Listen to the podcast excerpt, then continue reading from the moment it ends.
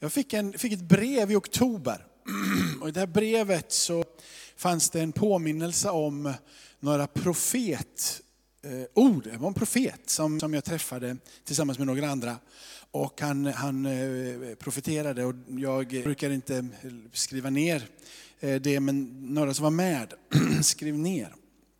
Och eh, fick det brevet då efter den här tillfällen, det här skedde 99. Men, men på något sätt så hade jag lämnat kvar det här i Citykyrkan och de har ändrat, flyttat sina kontor eh, där uppe. Så de hade samlat ihop alltihop. Så att jag, jag fick några gamla kalendrar, så bara för att ge lite återblick och komma ihåg saker och så vidare. Och bland annat så skickade eh, en av, jag hoppas att du har förebedjare runt omkring dig. Om du inte har förebedjare runt omkring dig så be människor be för dig. Jag har en, en, en hjältinna som heter Mildred. Hon, hon, är, eh, hon är gammal nu, jag vet inte, om snart 80 eller om hon är 80. Hon är 85. Så, så väl känner jag henne, och det gör jag egentligen. Men ålder, eh, hon är 85 och hon ber och hon ropar till Gud. Och hon skickade det här brevet och skickade med den här profethälsningen. Så skrev hon ett brev också och landade i oktober. Men det blir bra att bli påmind om ord som är sagda. Som man då vid det tillfället lät komma in i sin ande som gav riktning och, och hopp, tro, liv. Och, eh, Eh, de där profetorden eh, är någonting som Gud har sagt. Som i de här sammanhangen man är där känner att men det här är Gud som talar. Och eh, ibland så glömmer man av det och man tänker inte så mycket på det. Men när det väcks till liv igen så kommer Gud har faktiskt sagt någonting. Det ligger där levande. Och jag bestämde mig för igen i oktober liksom att nu, nu ska jag uthålligt hålla fast vid det här. Jag ska se det här hända. Jag ska få vara med om det här. Jag ska stiga in i det här. Jag ska be att de dörrarna öppnar sig. Jag ska be att Gud gör det som vi i det sammanhanget kände, det här är verkligen det som Gud talade. Så för mig så ber och tror och hoppas jag att det här året ska vara ett år utav en bönens ande och en profetisk smörjelse. Där vi ska få se nya saker hända tillsammans med Gud. Min predikan idag ska kretsa kring tro, hopp och kärlek. Och där hoppet får vara det som jag vill eh, ska landa i våra hjärtan. Hoppet om att Gud har en väg framåt. Hoppet om att det Gud har lovat, det Gud har sagt, det kommer han att infria. Amen. Låt oss be. Tackar dig Fader i himmelen att vi får öppna ditt ord, läsa ditt ord, bli inspirerad av ditt ord. Låt ditt ord få vara våran eh, ledstjärna. Låta du som är ordet, våran Herre, våran frälsare. Det som har blivit budskapet givet till oss. Att när vi läser om dig, när vi försöker förstå vem du är, att din ande fick vara över våra liv med insikter, med uppenbarelser, med klarhet och förståelse. Så att vi kan vandra frimodigt på den vägen som du leder oss in i. Så välsigna den här stunden. I ditt mäktiga namn. Amen. Nu är det så att jag glömde ge bibelorden där, så vi får väl se om de, om de hinner. Första Korinthierbrevet eh, 13, 13, om det är så att du hinner så kan vi läsa det tillsammans. Tron är ju det som, som är grunden. Det är eh, för oss och det är innehållet i det budskap som Gud ger.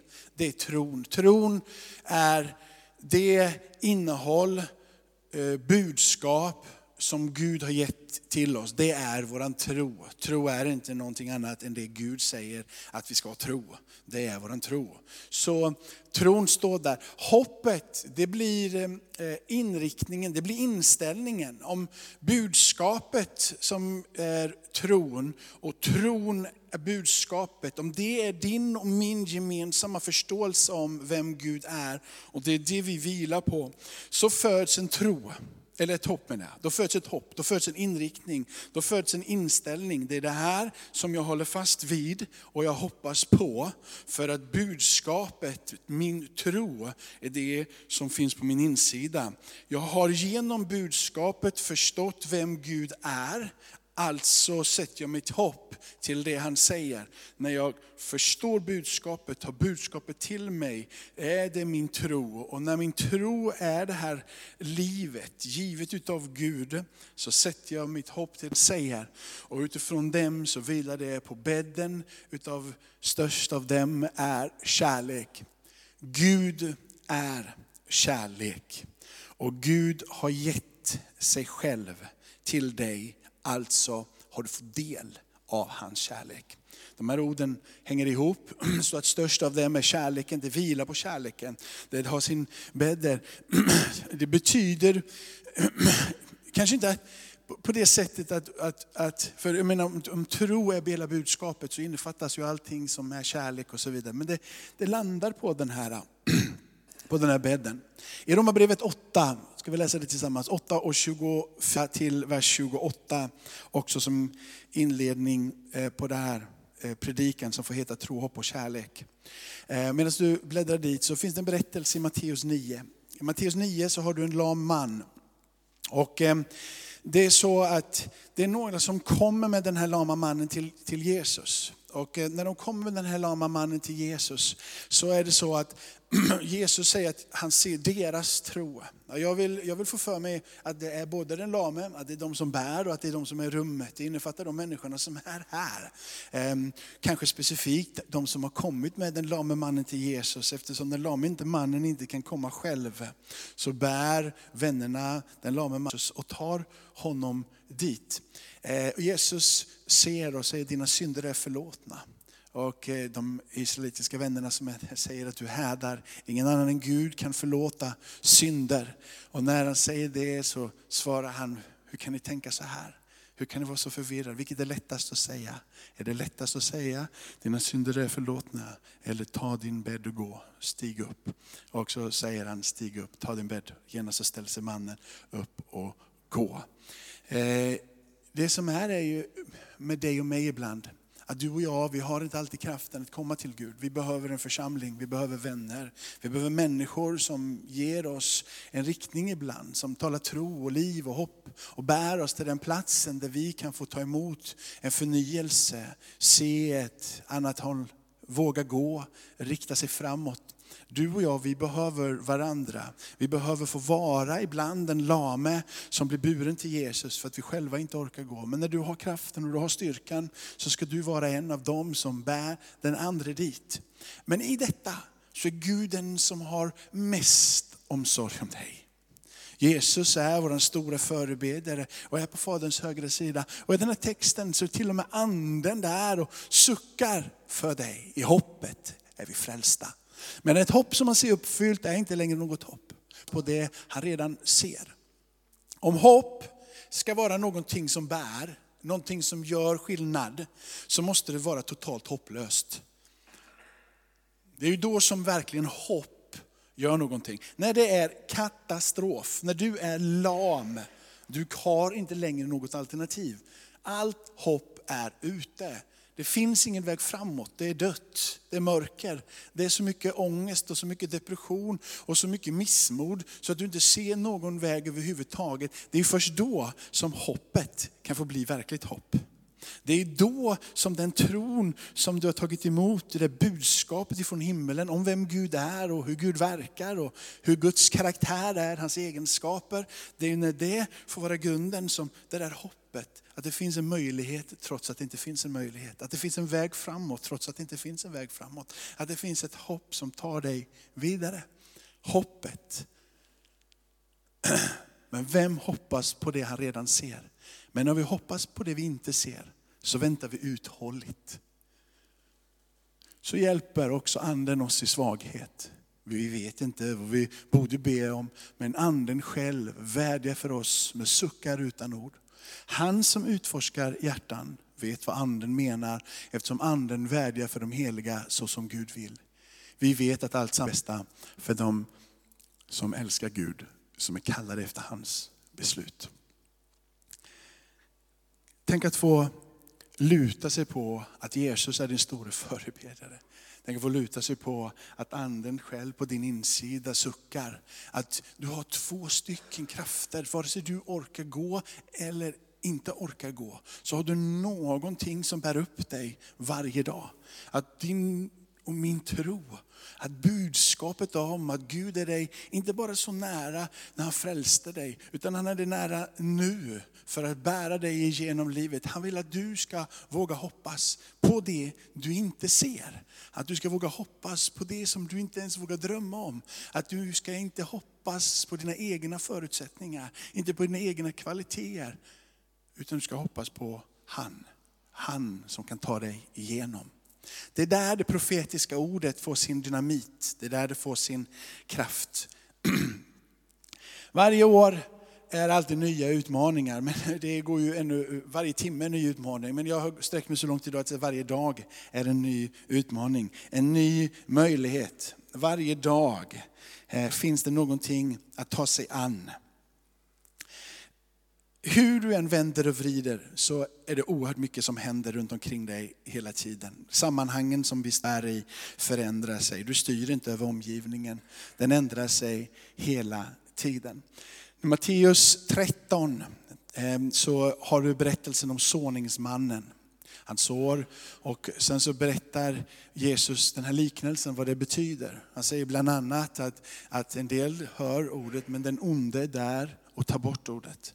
Han säger att en del upplever det eh, som en glädje först, men på grund utav lidanden, på grund av att de har tagit emot Jesus så har de släppt sin tro. De har inte orkat hålla ut, de har blivit uppryckta.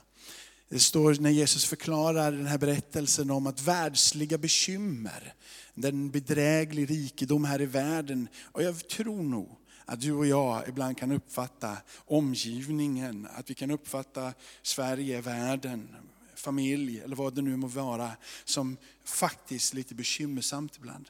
Och det vill komma in och det vill tränga sig in och det vill lägga som ett lock på, både i huvudet och i våra hjärtan, i vår omgivning. Och skapa en atmosfär som är svår att vilja och våga tro och hoppas. Men Gud vill föra dig och mig tillbaka med sina ord av profetiska hälsningar. In i uppbyggelse, uppmuntran och tröst som Paulus undervisar om. Och när de här offar dig så blir du påmind om Guds ords varaktighet, oföränderlighet.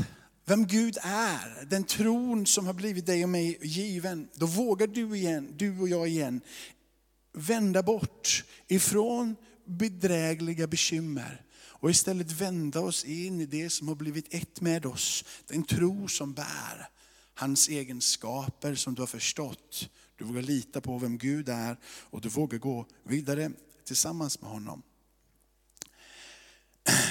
De kommer hela tiden, de här olika sakerna som kan bli bedrägliga bekymmer eller lidanden som gör att du rycks upp. De kan komma där.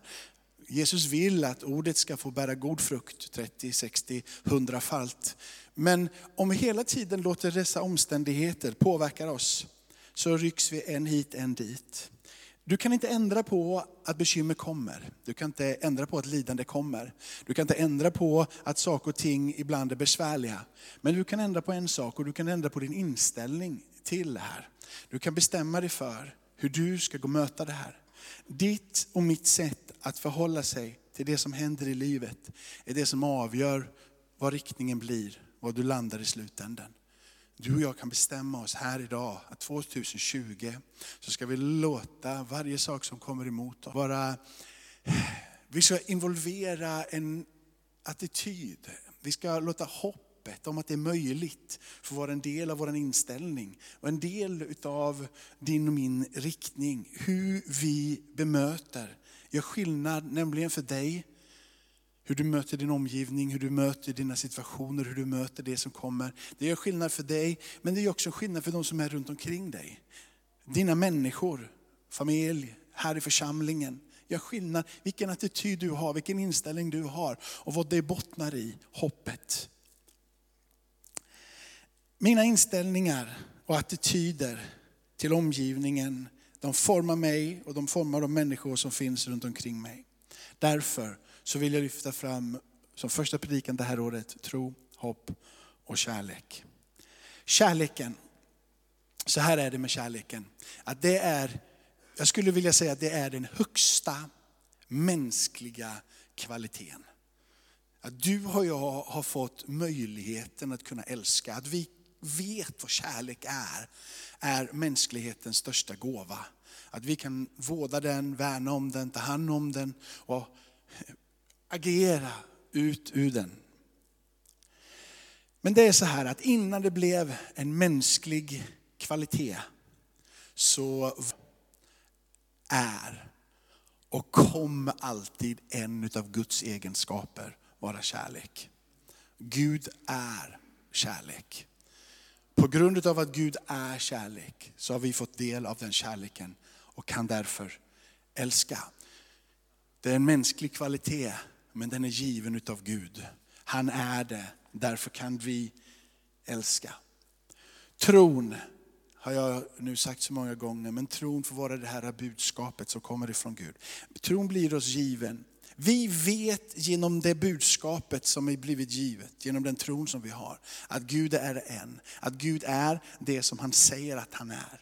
Vi vet att han sände sin son, att Jesus kom, att han dog, att han uppstod. Där i ligger frälsningen.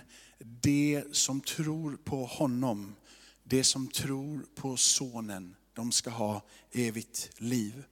Den här tron som vi har fått oss given, det glada budskapet, evangelium som har blivit predikat för oss. Det här ordet, när det predikas, så föder det mer tro, eller det föder djupare tro. Det ger oss ännu mer substans till det som vi tror. Romarbrevet 10 säger att tron kommer utav predikan.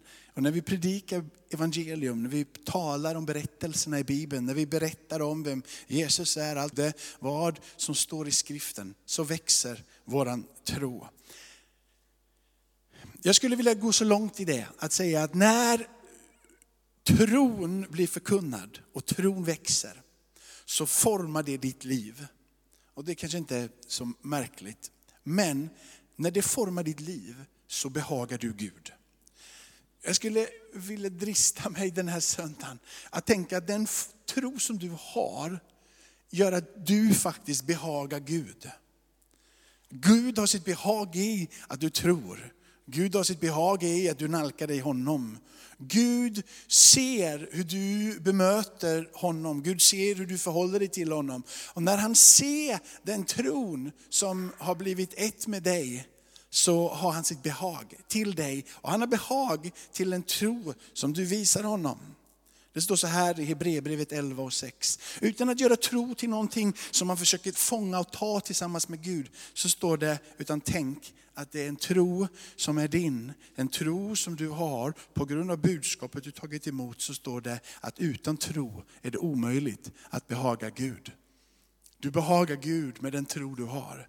Varje gång du ber, varje gång du sjunger lovsång, varje gång du lyssnar och tar emot en predikan, varje gång som du försöker att dela ett vittnesbörd, varje gång som du låter din tid i ditt liv, så behagar du Gud. Du vänder din uppmärksamhet till han som är underbar rådgivare, mäktig Gud, evig fader, fridsförste, härskarornas Herre. Amen. Om det här är fundamenten, du kan se på ditt eget liv och säga, den tro som jag har, den behagar Gud. Så kan du, jag hoppas i alla fall att du kan förstå att du är inympad i tron. Att du sitter tillsammans med honom, att frälsningen är dig given, att du är ett Guds barn och att du vandrar tillsammans med honom. Och att han är en god far som värnar om dig, har sin omsorg om dig och leder dig för hans namns skull på de rätta vägarna. Om det här är din tro så skulle jag vilja säga att hoppet får vara inställningen, riktningen. Tron, övertygelsen, förvissningen om Guds godhet. Så blir hoppet kraften att gå vidare. Hoppet blir motorn som gör att du reser dig upp trots att du har fallit.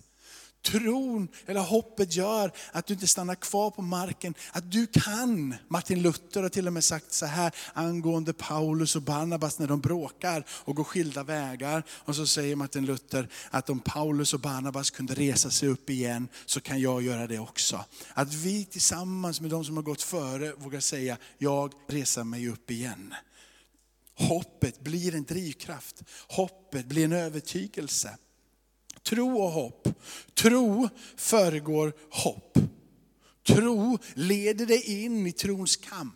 Hoppet gör att du övervinner det. Hoppet gör att du kommer längre, att du kommer vidare, att du kommer framåt, att du kommer igenom, att du kommer ut på andra sidan välbehållen. För Gud har varit med dig. Tron gör, hoppet gör att du sträcker dig. Så här i Jeremia kapitel 29 så eh, inleds det här kapitlet med ett brev som skickas. Brevet skickas till Nebukadnessar, brevet skickas till, eh, till eh, alla profeter, präster och till allt folket, står det, som är då fångade utav Nebukadnessar i Babel. Det går ut ett brev, en påhälsning om att den profetiska ordet har kommit. Jeremia har tagit emot ett budskap. Om du vill kan du gärna få slå upp kapitel 29 och vers, vers, vers 10, 11, 12 och 13. Det här ordet som kommer, det är 70 år som de ska få vara i fångenskap.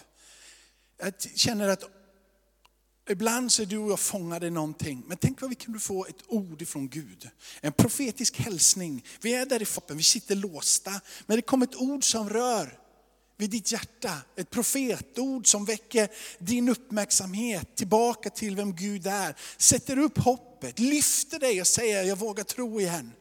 Vi sitter fast i Babel. Vi har blivit landsförvisade. Alla är här. Profeter och präster är inte, är inte liksom undantaget. De är också där. De stora, ståtliga, rika, de vältaliga, de lärda. Alla har blivit bortförda med folket in i fångenskap. Det finns inte mycket framtid, det finns inte mycket hopp. Det är slutet. På så sätt så är de lama. De har inte längre någon kraft att gå själva. De sitter där och har ingen förmåga att bryta sig loss ifrån fångenskapen. Men det kommer ett profetord, det kommer ett ord och det ordet gör att liv finns trots att det inte finns något liv. Att hopp finns trots att det är nattsvart. Så säger Herren, när 70 år har gått för Babel, ska jag ta mig an er och uppfylla mitt löfte att föra er tillbaka till denna plats. Och säger han, jag vet vilka tankar jag har för er, säger Herren. Nämligen fridens tankar och inte ofärdens för att ge er framtid och hopp. Ni ska kalla på mig och komma och be till mig. Jag ska höra er och ni ska söka mig och ni ska också finna mig om ni söker mig av hela ert hjärta. Men se, fridens tankar, mitt där i fångenskapen så ska jag ge er tankar och frid.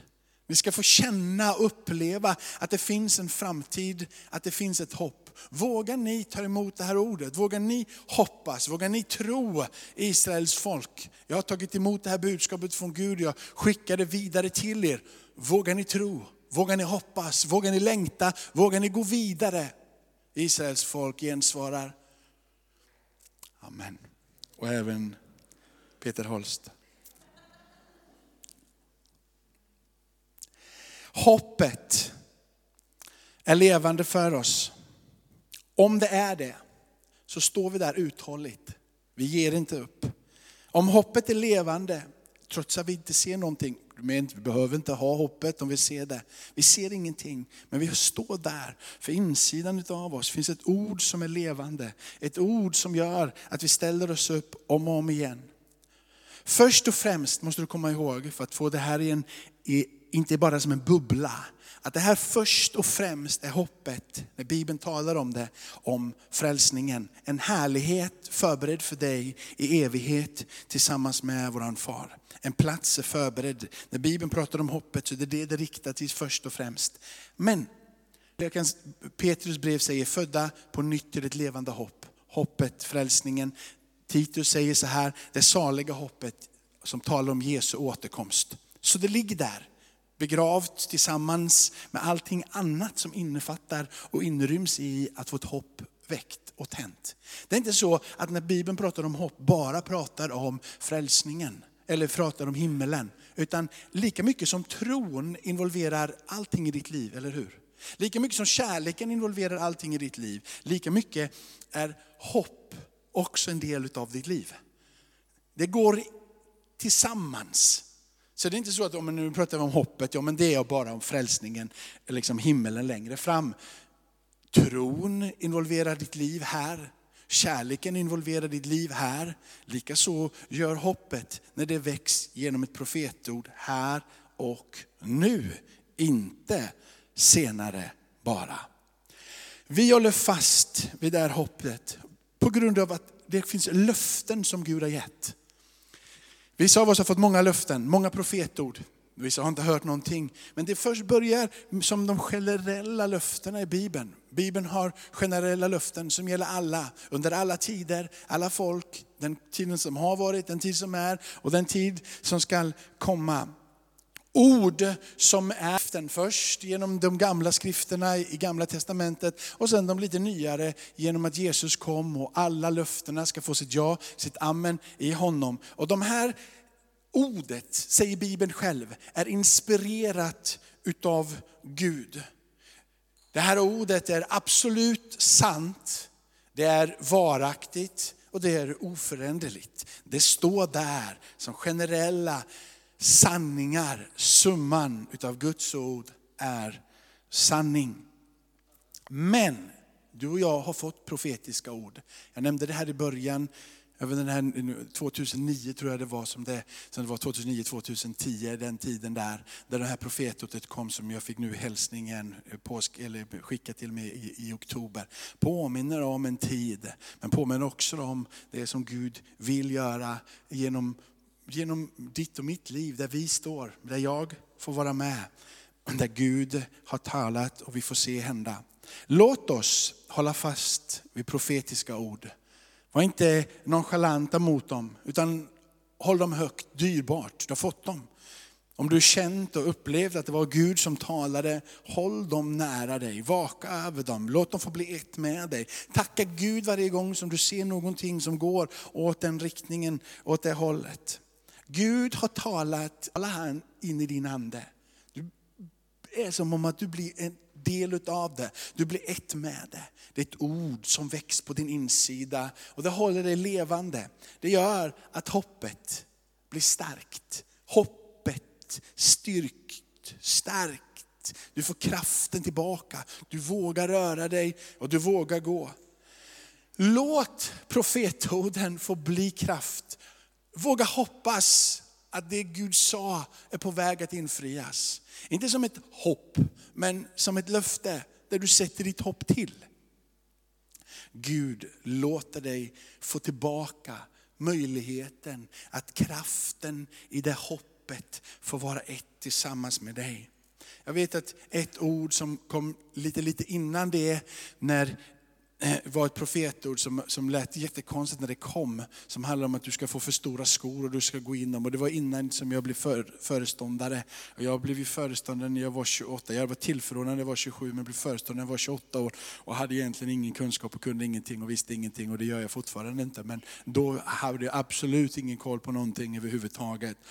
Men det var två ord, ett ord som, som, som talades ut vid ett sammanhang eh, som jag inte hade en aning om några år tidigare. Och det var ett profetord som gjorde att vi tror faktiskt, på grund av den, var, han som var föreståndare dog i cancer. Vi tror att faktiskt att Gud har kallat på grund av ett profetord som var innan. Och sen så prövade de och såg och luskade och letade och tittade. Och så var det några som satte några krav för att det skulle vara på det här sättet, för de var lite oroliga. Men så ledde Gud och så blev det så. Men i den vevan så fick jag ett profetord över mig, att du kommer få för stora skor. Jag förstod ju ingenting och sen helt plötsligt står man där med för stora skor. Men det underbara med att få för stora skor, det är att du kommer att växa in i dem. Det är det barn gör. Ibland får de för stora skor men de växer in i dem. Och det är inget farligt, det behövs bara människor runt omkring som hjälper till och fostrar och hjälper och stödjer och så vidare. Så är inte det någon konstighet överhuvudtaget. Allting har sin tid. Jag fick gå in i de här skorna och när det skedde, att det hände, kände att nu, nu, nu är jag på den platsen där orden sa. Så behövde jag inte längre hålla fast vid det ordet. Idag är det bara en påminnelse om hur Gud var trofast. Han talade ett ord som hjälpte mig att hålla. Jag fick stiga in och se det hända. Och idag så kan jag bara tacka Gud. Tack för att det profetiska har fått vara verksam i mitt liv. Tack för att det profetiska har varit en sån tydliga signaler ifrån himmelen och gett den kraften som man behövde i de tider då man inte vågade tro och man inte vågade hoppas. På samma sätt så ser vi genom skriften ord som är talade, till exempel som det vi såg här i Jeremia. På grund av de här orden så får de en inställning och en attityd mot det som händer som inte gör dem ängsliga och oroliga. Utan de får fridens tankar. De sätter sin tilltro till att det Gud har sagt, det kommer han att infria. Vilket gör att attityden till problem blir helt annorlunda. Inställningen till omgivningen blir helt annorlunda. Det är okej okay att det blåser lite, för Gud har sagt att han står med mig. Det gör ingenting om det svänger lite hit och lite dit och lite upp och lite ner. Och det känns som att du åker rollercoaster, en, liksom en, en, en loopbana, berg och dalbana fram och tillbaka. Det gör inte så mycket, för det där ordet gör att du får frid och du känner trygghet och du vågar lita på att Gud har en väg framåt. Det står så här i Hebreerbrevet 10, under prövning. Ni behöver uthållighet för att göra Guds goda vilja och få vad han har lovat. Ni behöver uthållighet. Det är som att lika mycket som du behöver hopp, behöver du uthållighet. Bibeln talar på andra ställen tålamod. Tålamod är uthållighet. Men om inte profetord, alltså tålamod är ljuvligt.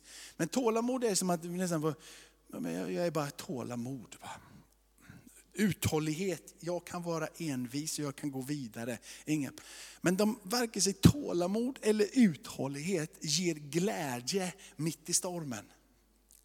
Det är som om att ja, men jag har tålamod och jag har uthållighet, men det är likadant. Men när hopp tänds, mitt i stan. hur mycket tålamod och uthållighet jag än har, så har jag hellre hopp.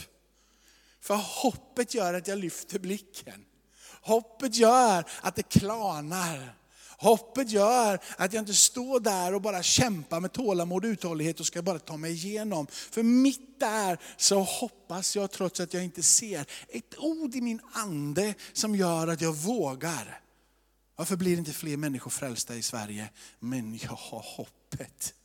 Tålmodigt väntar jag, uthålligt så kämpar vi, gör det rätta, gör det som förväntas. Men hoppet på insidan gör att jag vet att bara en enda sekund så kan Gud ändra på allting. En enda ord Wesley bland annat berättade vid något tillfälle att han, eh, jag tror det var, vi kommer inte ihåg vilket år det var, men det var typ maj femte predikade i någon, någon katedral någonstans. De sa att jag aldrig mer får komma tillbaka. Eh, veckan efter, den 12, predikade en gång på förmiddagen, en gång på eftermiddagen, två olika. Då hälsade de båda gångerna att tyvärr så får du inte komma tillbaka hit. Den ena sa att den här predikan, de, för de skrev ner allting som sades, det här river vi och kastar. Veckan efter, så igen, då hade han till och med ställt sig på något torg någonstans och predikat. Och de hade kommit fram och talat om för, för honom att nu får du vara tyst, ingen som vill lyssna på dig. Han blev utkastad ifrån någon, någon, någon form av gatuhörn när han stod och predikade veckan efter semester.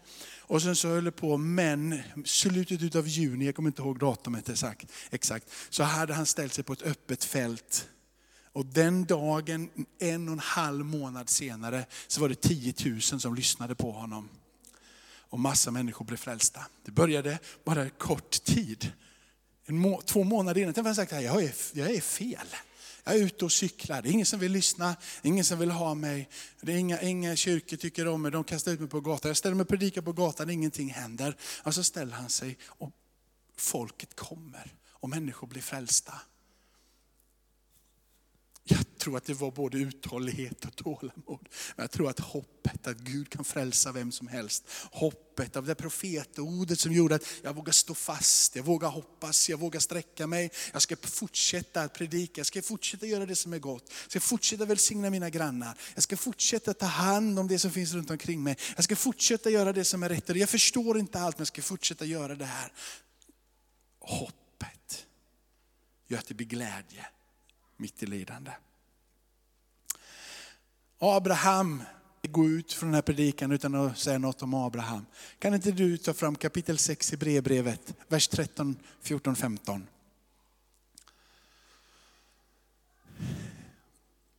Du som inte känner till Abraham, så är det så att Abrahams berättelse är ju att han tog emot ett budskap ifrån Gud. Om att gå ut ifrån det land där han bodde i. Och när allting var ute, det inte fanns någonting kvar utav kraft i han och Sara. De kunde inte få barn längre, och gamla. Så fick de ett barn ändå. När Gud gav löftet till Abraham så svor han vid sig själv eftersom han inte hade något högre att svära vid. Han sa det, jag ska rikligt välsigna dig. Rikligt föröka dig. Så fick Abraham efter tålmodig väntan vad Gud hade lovat. Och vad jag vill hålla fast vid, det är rikligt välsignad. Rikligt föröka dig. Tänk den långa resa genom dessa olika städer och marker boskap som förökade sig och sen så blir de av med lite på grund av detta schismer. De är lite rädda och det är lite upp och det är lite ner och lite fram och tillbaka. Men det slutar med att du kommer bli rikligt välsignad och du kommer bli rikligt föröka dig. Jag tror att du har haft ett profetord över ditt liv. Har du aldrig fått det, bara det generella ordet, så be till Gud att ett profetord ska få väcka dig. Bibeln talar om att det finns profetisk tjänst, att det finns profetiska ord. Och att de här orden och de här tjänsterna ska vara en del av församlingen. Och när de är levande i församlingen så tänds hopp i församlingen. Inte bara tålamod, inte bara uthållighet, det tänds hopp i församlingen. Orden kommer tillbaka. Det blir nerv på insidan. Och trots att det stormar så är blicken klar. Hoppet synligt, för Kristus lever. När tro och hopp flödar tillsammans, eller går i samma håll, samma riktning. När de är ett med varandra, så kommer någonting av kärlek att få strömma ut ur dig. Du kommer att få se hur dina handlingar blir helt annorlunda. Ditt sätt att bemöta blir annorlunda. Du behöver inte vara snäv, utan du kan vara som du sa, generös. För att du har hoppet fäst mitt i lidandet. Tron och förståelsen om Guds egenskaper, om Guds karaktär lever så starkt i dig. Så den kärlek som bär det här strömmar ur dina handlingar. Om tron och hoppet är där så kommer kärleken att synas. Det är ofrånkomligt, för det vilar på kärleken. Det är inte tvärtom. Det vilar på kärleken. Det föds från kärleken och det sker genom kärleken. Tron och hoppet förlöser dig. Hoppet gör att du övervinner kampen. Amen.